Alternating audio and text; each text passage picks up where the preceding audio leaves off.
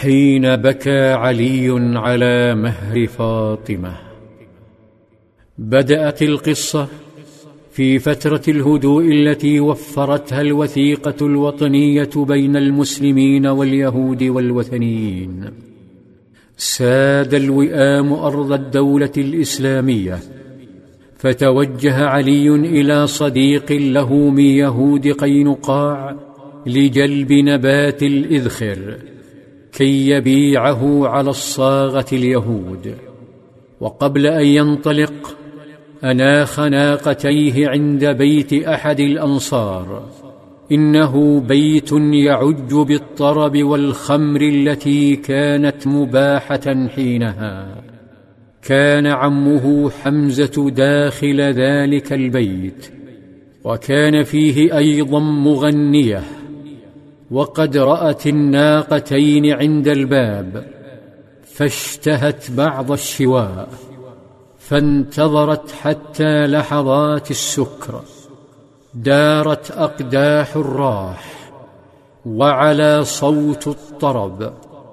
ولما لعبت الحمية بالرؤوس غنت المرأة لحمزة قائلة ألا يا حمز للشرف النوائي فنهض حمزة وسل سيفه منتشيا بكلماتها ثم خرج نحو الناقتين فجب أسنمتهما وبقر خواصرهما ثم أخذ من اكبادهما وقدم ذلك لندمائه.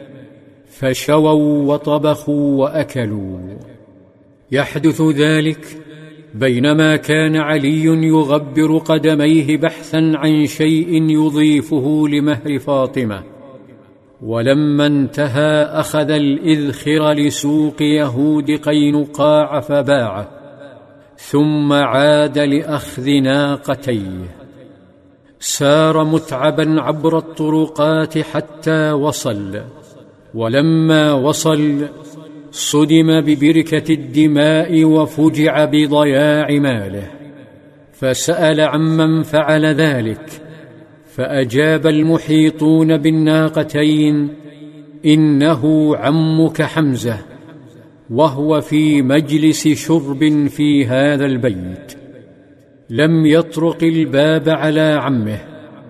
فقد تحير وقلت حيلته وفاضت عيناه وصارت فاطمة أبعد وأبعد. لم يعد يملك سوى درعه ودراهم الإذخر. انطوى على حزنه ولم يجد من يبث شكواه له بعد ربه سوى نبيه صلى الله عليه وسلم. توجه إليه. ولما دخل عليه وجد عنده ابنه زيدا فسلم وأخبره.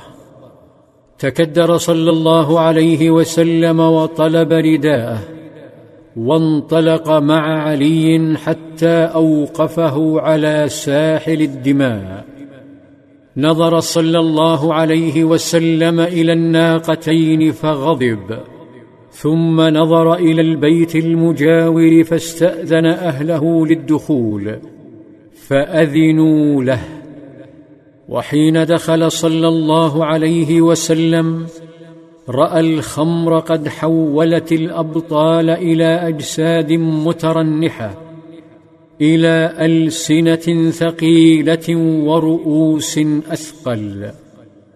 نظر إلى عمه حمزة وانتهره ولامه على فعله فرفع حمزة رأسه الثقيلة ببطء رفعها نحو النبي صلى الله عليه وسلم وعلى علي وزيد وحدق بعينين كالجمر حدق بقدمي النبي صلى الله عليه وسلم. ثم رفع نظره إلى ركبته ثم إلى رأسه ثم تفوه بكلمات كلمات جعلت النبي صلى الله عليه وسلم يرجع إلى الوراء حزينا ويغادر.